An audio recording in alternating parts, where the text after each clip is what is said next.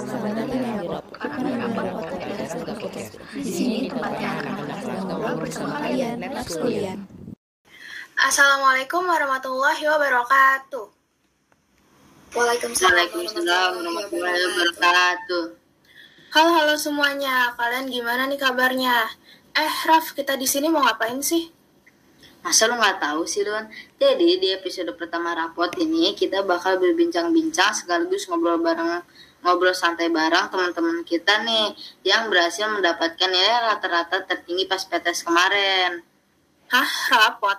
Rapot tuh yang isinya nilai-nilai terus ada mata pelajaran itu kan? Kan biasanya di bagian pas akhir semester. Bukan, beda lagi nih. Jadi, rapot itu adalah salah satu proker dari Humas, Rasda berupa podcast yang mengundang narasumber yang pastinya menginspirasi dan bisa kita jadikan motivasi. Oh gitu, wah pasti keren-keren banget ya narasumber kita hari ini. Siapa aja sih mereka pengen kenalan deh? Eh, tunggu dulu. Kita kenalin diri dulu dong. Oh iya nih, sampai lupa gara-gara nggak sabar buat bagi ilmu bareng. Iya. Oke, halo semua, gue Rafa. Dan gue Luna, kita bakal nemenin kalian beberapa menit ke depan untuk ngobrol santai bareng nih. Ya, narasumber pertama kita dari kelas 7 nih. Halo Kayla Princess dari kelas 7D dengan rata-rata nilai 99. Halo Princess dari kelas 7. Hai kak. Wah, bagus banget nih Princess nilainya, hampir 100 dong. Iya, hampir 100. Oke, kita lanjut ke kelas 8. Ada Sazia Trinaila, Madina Rianti dari kelas 8D, dan Inaya Serafina Prabowo dari kelas 8B dengan rata-rata nilai 96,5. Hai Sazia dan Inaya. Hai. Wah, ini kelas 8 juga nggak kalah bagus sih nilai rata-ratanya. Pasti. Selanjutnya ada kakak kelas 9 kita nih, Luan ada Kak Akil Nur Fahim. Nah, Kak Akil dari kelas 9A yang mendapatkan nilai rata-rata 97,5. Halo, Kak. Iya, halo, halo. Wih, narsum kita keren banget ya hari ini. Nilai rata-ratanya juga pada tinggi-tinggi banget. Oh iya, salam kenal ya buat semuanya. Oke, kita langsung aja nih mulai ke pertanyaan pertama. Oke, pertanyaan pertama yaitu gimana nih tips belajar versi kalian? Yaps, dari Princess bisa langsung dijawab ya. Oke kak, sebenarnya sih saya belajarnya biasa aja, tidak ada yang khusus atau bagaimana. But sharing is caring lah ya. Jadi ada beberapa tips belajar yang mungkin bisa membantu kalian semua dalam persiapan untuk ujian maupun belajar biasa. First thing to do is because it based on my class yang di mana pada saat itu mungkin lebih banyak materi-materi untuk ujian melalui PPT langsung daripada di buku paket. Buat kita yang selain membaca materi di PPT, kita juga harus baca dari buku paket ataupun dari internet, website-website juga boleh. Karena kan pastinya guru-guru juga tidak terpaku pada materi di PPT saja. Dan mungkin di buku paket ada banyak informasi-informasi tambahan tentang materinya yang mungkin lebih detail daripada di PPT-nya. Second thing is yaitu membuat rangkuman. Menurut saya sih dengan membuat rangkuman itu lebih memudahkan ya karena membuat rangkuman itu kan simple tinggal kita tulis aja sisi materi yang menurut kita itu penting. Tetapi kadang membuat rangkuman juga bisa pakai bahasa kita sendiri. Dan ya menyesuaikan aja. Dan tentunya itu bisa membuat lebih mudah dipahami kalau saya ya. Karena setiap orang pun juga pastinya berbeda-beda cara belajarnya Lalu kita juga bisa melatih diri kita lewat soal-soal yang ada di internet, website-website apa pun itu, terus di buku paket, kayak uji kompetensi. Itu kan walaupun kita tidak disuruh mengerjakannya, ya gak apa-apa kita kerjain aja agar kita bisa terbiasa atau terlatih dengan soal-soal latihan. Dan siapa tahu aja nantinya soal-soal itu akan keluar deh pada saat ujian. Nah, itu tips belajar dari saya yang biasa saya lakukan sehari-hari. Selebihnya sih saya ya belajarnya biasa aja. The most important is jangan pakai sistem kebut semalam ya, karena itu sama sekali membuat tidak maksimal dalam belajar. Lalu biasanya sebelum ujian itu saya selalu minta doa restu dari orang tua Karena biasanya doa-doa dari orang tua itu mujarab loh Itu yang saya rasakan Nah semoga tips belajar ini bisa berguna untuk teman-teman semua Nah, oke, okay, itu aja tips belajar dari saya, Kak. Sekian, terima kasih. Nah, benar banget tuh yang Princess bilang, terutama yang sistem kebut semalam atau SKS nih. Soalnya kan kalau kita belajar kayak gitu, materinya belum tentu bakal masuk ke otak ya, apalagi kalau belajarnya buru-buru. Nah, salah satu yang terpenting juga minta doa restu nih dari orang tua. Bener banget sih doa restu itu emang mujarab. Oke, kita lanjut. Kalau menurut Sazia sama Inaya, apa nih tips dari kalian? Sazia, silakan dijawab ya. Nah, kalau aku pertama pastinya harus ada niat dulu ya untuk mencapai hasil yang terbaik. Dan jangan lupa belajar nanti harus fokus. Kalau lagi PJJ, itu aku berusaha buat memahami apa yang gue udah sampaikan, dan pastinya materi ditulis atau enggak aku screenshot. Nah, kalau lagi belajar, itu aku pertama baca dulu semua yang bakal aku pelajari, sambil aku stabiloin poin-poin yang penting. Yang kedua, aku baca ulang lagi biar lebih memahami lebih luas, ditambah juga materi dari internet. Yang terakhir, aku coba jelasin pakai bahasa sendiri dari materi yang tadi aku udah pelajari. Jadi pastinya bukan menghafal, tapi memahami. Dan salah satunya yang selalu aku ingat itu, membacalah setiap hari walaupun sedikit, karena pasti bakal ada yang teringat kan, dan lebih cepat dipahami. Itu sih kalau aku. Tuh guys, kalian nggak apa-apa tuh kalau mau belajar, bacanya sedikit-sedikit tapi harus sering atau diulang-ulang. Karena pasti kita jadi lebih paham sama materinya dan bisa jadi ingat terus buat ke depannya. Iya, bener banget tuh. Oke, oke. Kita lanjut ke Ina ya. Uh, kalau dari aku sih yang penting kita harus udah ngerti materinya. Jadi kalau lagi zoom kita harus simak tuh yang dijelasin sama guru. Jadi biar ngerti. Terus kalau masih bingung ya tanya aja, nggak perlu takut atau malu. Karena kalau kita nggak tanya nanti daripada kita bingung sendiri, kita nggak tahu mau nanya ke siapa. Nah, terus kita pekerjain juga latihan soal yang dikasih guru. Diulang-ulang juga nggak apa-apa, karena kadang tuh soal yang ada di latihan soal tuh sama dengan yang ada di ujian. Jadi, kalau misalnya kita udah ngerti, kita hafalin dikit-dikit nggak apa-apa. Nah, habis itu kita bisa bikin rangkuman, tapi kita harus kita tulis tangan, jangan diketik. Karena kalau diketik tuh kan sebenarnya sama aja kayak ngetik biasa ya, jadi kayak kurang masuk ke otak gitu. Kalau ditulis kan kita harus baca terus kita tulis lagi. Nah itu kita lebih nyerap materinya. Nah terus belajarnya juga harus niat dan fokus. Karena kadang juga aku tuh suka males banget belajarnya. Tapi ya mau gimana lagi kalau nggak belajar kan kita nanti nggak ngerti. Nah belajarnya juga jangan terlalu sebentar, paling nggak sejam aja. Terus gak boleh ada gangguan HP karena kalau kita ada gang, ada HP deket kita terus nanti ada notif kita pasti bakal ke distract terus kita pasti bakal pengen langsung cek HP-nya gitu terus pas mau belajar juga siapin tuh buku-buku sama minum yang mau kita pakai pas di tempat belajar itu jadi kita nggak perlu bangun lagi ke mana-mana karena kalau kita bangun-bangun saat kita ngambil minum kita ngeliat sana sini nanti kita bakal ke distract lagi jadi ntar bisa males lagi gitu Nah, bener banget nih yang dibilang Inaya. Sebisa mungkin kalau kalian lagi belajar, jauhin dulu tuh HP-nya. Karena kayak pasti satu notifikasi muncul aja, kita pasti langsung megang HP-nya. Kan jadi nggak fokus deh buat belajarnya. Sama satu lagi, jangan lupa buat nyiapin peralatan untuk belajar. Nah, kalau buat Kakil, apa nih tipsnya? Uh, gue ngasih tips buat PTS aja kali ya. PTS kan biasanya hari Senin ya. Gua Jumat sama Sabtunya itu full main gue nggak belajar sama sekali hal ini gue lakuin supaya gue puas supaya gue bosan main tapi nanti hari Minggu sampai Kamisnya gue full belajar gue harus komit gue nggak boleh main biar uh, apa ya kalau misalnya gue lakuin Jumat sama Sabtu itu gue full main itu gue bosan gue puas gitu main tapi nanti pas minggu sampai Kamisnya gue bener-bener gak main dan itu bisa bantu fokus gue pas lagi belajar dan hal ini udah gue lakuin dari kelas 7 sampai sekarang dan alhamdulillah nilai gue masih aman. Oh berarti pas-pasin dulu main gitu ya kak. Jadi kalau udah bosan main pasti fokus gitu ya kak. Iya, kalau misalnya gue udah bosan main, udah puas main ya gue gak akan main lagi. Iya sih. Wah keren banget tipsnya nih kak. Oke jangan lupa diingat tuh loh, pasti nanti bermanfaat kan. Iya nih Raf, pasti bakal gue ingat tips dari kalian semua. Nah, lanjut ke pertanyaan kedua. Apa aja nih mata pelajaran favorit kalian yang kayak bener-bener suka gitu?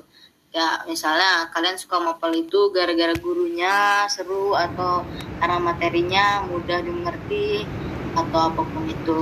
Buat princess boleh langsung jawab ya?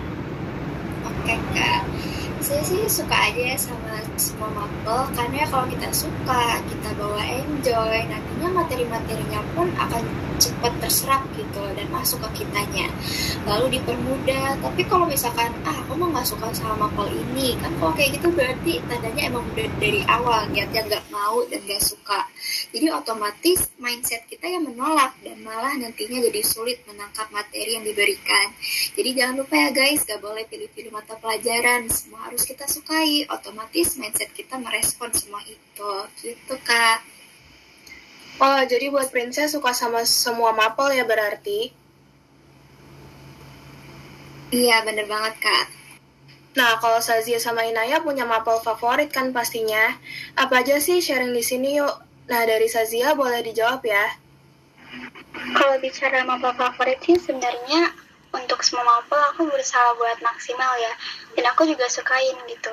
Cuma untuk saat ini sih aku lebih ke matematika karena di kelas 8 ini aku lebih cepat memahami itu di mapel matematika kalau dibanding sama pelajaran yang lain. Oh, kalau Sazia sukanya matematika nih, yang hitung-hitungan gitu ya, benar nggak? Ya bener banget nih. Ah. Kalau Inaya apa nih mapel favoritnya Kalau aku tuh dari dulu nggak suka sama yang hafalan, aku lebih sukanya yang dimengerti atau yang ya hitung-hitungan. Dari situ aku suka banget matematika. Nilaiku nggak pernah an- an- anjlok sih. Tapi eh, sekarang tuh beberapa materi tuh ada yang susah. Tapi tetap aku tetap suka sama matematika. Kalau yang gampang menurutku itu bahasa Inggris karena dari dulu pelajarannya tuh eh, masih gitu-gitu aja nggak terlalu beda sama yang SD. Jadi udah familiar banget lah sama matematika. oh, Eh, Inggris maksudnya. Nah, kalau Inaya sukanya sama bah- bahasa Inggris nih guys, karena materi-materi dari SD sampai SMP nggak begitu beda jauh ya. Jadi lebih familiar dan gampang buat mahamin materinya. oke lanjut kalau buat Kak Akil apa nih Kak mapel favorit Kak Akil pasti banyak kan kemarin aja aku dengar-dengar Kak Akil banyak nih dapat nilai 100 Ya, kalau gue sih paling suka IPA sama matematika ya, karena nggak perlu banyak hafalan. Paling cuman perlu hafal dan paham satu dua rumus dan lo bisa ngerjain 40 soal. Kalau gue sih itu karena gue basicnya suka itu. Jadi gue lebih suka IPA.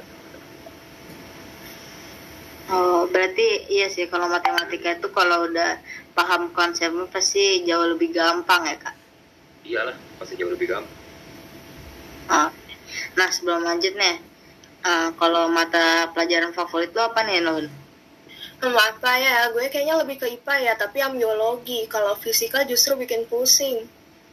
Nah kembali kan gue malah sukanya fisika. Kalau biologi terlalu banyak hafalan gue pusing ya.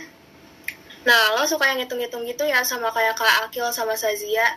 Kalau gue Iya. sih suka bagian hafalan, kalau bio apalagi, bio gurunya kan Pak Imam, jadi tambah seru nggak sih?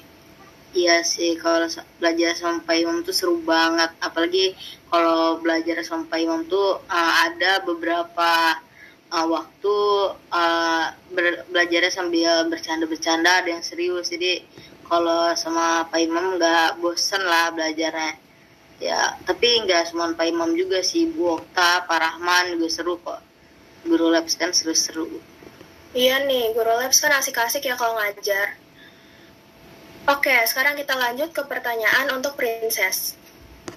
Gimana nih cara kamu buat bagi waktu belajar? Oh iya, kelas 7 kan udah banyak banget nggak sih tugasnya? Pasti kan kalau udah banyak tugas, waktu belajarnya otomatis berkurang kan? Untuk Princess, silakan dijawab ya. Oke kak, jadi cara membagi waktu belajar sih, ini misalkan ada acara sama tugas menumpuk. Nah, bagaimana nih membagi waktu belajarnya? Kalau aku sih kalau misalkan udah tahu, misal hari Minggu nanti ada acara, full seharian berarti nggak ada waktu buat belajar. Palingan sampai rumah pun nantinya kita langsung istirahat. Berarti kalau kita udah tahu ada acara, ya kita prepare dari hari-hari sebelumnya. Jadi nanti pas hari Minggu malamnya sebelum tidur atau pas bangun tidur nanti tinggal baca-baca ulang lagi deh supaya lebih maksimal. Lalu yang terakhir saat tugas lagi menumpuk. Nah, bagaimana nih cara membagi waktu belajarnya saat adanya tugas yang menumpuk? Kalian jangan sampai menunda-nunda waktu sehingga banyaknya tugas yang menumpuk. Karena kalau kita punya tugas yang ditumpuk-tumpuk, ya kitanya juga yang akan susah dikejar-kejar sama deadline. Yang lain udah selesai belajar, kita belum belajar sama sekali. Jadi belajar itu ya harus ada planningnya. Apa dulu nih yang mau kita kerjain? Jadi ada prioritasnya. Otomatis tugas-tugas pun terselesaikan sebelum waktunya. Itu kak yang selalu aku terapkan. Oke, jadi kalau udah ada tugas nih, tak terus tahu kalau uh, di hari lain mau ada acara, sebisa mungkin dikerjain dulu ya di hari-hari sebelumnya. Iya benar kak. Ya pas nanti uh, lagi ada acara gitu tugasnya udah selesai semua. Ya, keren banget ya udah bisa bagi waktu belajar dengan baik pada kelas 7 kan masih masa penyesuaian kan. Iya nih Raf, keren ya dia baru masuk gitu bisa langsung atur waktu kayak yang buat belajar kapan, ngerjain tugas kapan, terus waktu istirahatnya juga jangan lupa. Iya. Oke, kita langsung aja beralih ke pertanyaan selanjutnya yaitu untuk Sazia dan Inaya. Nah, Sazia sama Inaya bagian dari OSIS MPK Rasda kan? Gimana sih cara bagi waktu kalau lagi ada tugas dan berbarengan dengan kegiatan OSIS? Inaya bisa langsung jawab ya. Uh, kalau dari aku itu yang terpenting kita selalu bikin jadwal kegiatan dan tugas di HP karena kan kita selalu lihat HP jadi ntar kita bisa lihat gampang gitu liatnya. Terus kita bikin deadline sendiri. Jadi kalau misalnya ada tugas terus deadline-nya hari Senin kita bikin deadline-nya bisa hari Sabtu atau hari Jumat gitu. Jadi kita anggap deadline itu deadline yang beneran. Supaya kalau misalnya kita nggak sempet ngerjain kita masih ada waktu beberapa hari gitu Nah terus kalau di, udah dikasih tugas kita tuh kalau bisa langsung kerjain. Karena kan kalau udah kita kerjain enak gitu mau main mau ngapa-ngapain tuh udah nggak ada beban gitu. Terus kalau mau kerjain tugasnya jangan bergantung sama mood. Karena kita kalau bergantung sama mood tuh pasti bakal kayak males banget gitu. Jadi harus ya paksain aja gitu. Nah terus hmm, satu lagi kalau untuk sehari-hari kita bisa juga pakai apps atau mungkin kita bisa pakai diary mungkin. Jadi kita atur gitu sehari-hari kita kegiatan misalnya kita makannya jam segini kita istirahat jam segini gitu gitu. Tuh guys, kalau mau ngerjain tugas jangan selalu ikutin mood. Karena misal mood kita lagi nggak bagus, nanti tugasnya malah nggak selesai-selesai kan. Nantinya malah jadi ketumpuk deh. Iya, nah, gitu. Kalau, kalau sendiri gimana nih caranya? Nah, kalau dari aku, kalau misalnya ada tugas, aku tuh berusaha sebisa mungkin buat secepatnya kerjain. Jadi intinya jangan ditunda, karena takut berbarengan sama kegiatan OSIS MPK atau ulangan harian. Jadi takutnya numpuk kan. Terus aku setiap dikasih tugas atau jadwal apa pun, itu langsung aku tulis di sticky notes. Jadi aku tempel di papan biar selalu kelihatan apa aja sih yang mau kerjain, dan pastinya biar nggak lupa. Sama satu lagi, aku tuh berusaha buat tidur atau istirahat itu, biar aku bisa lebih fokus dan fresh buat kerjaan atau belajar. Jadi jangan dipaksain juga, karena istirahat juga penting.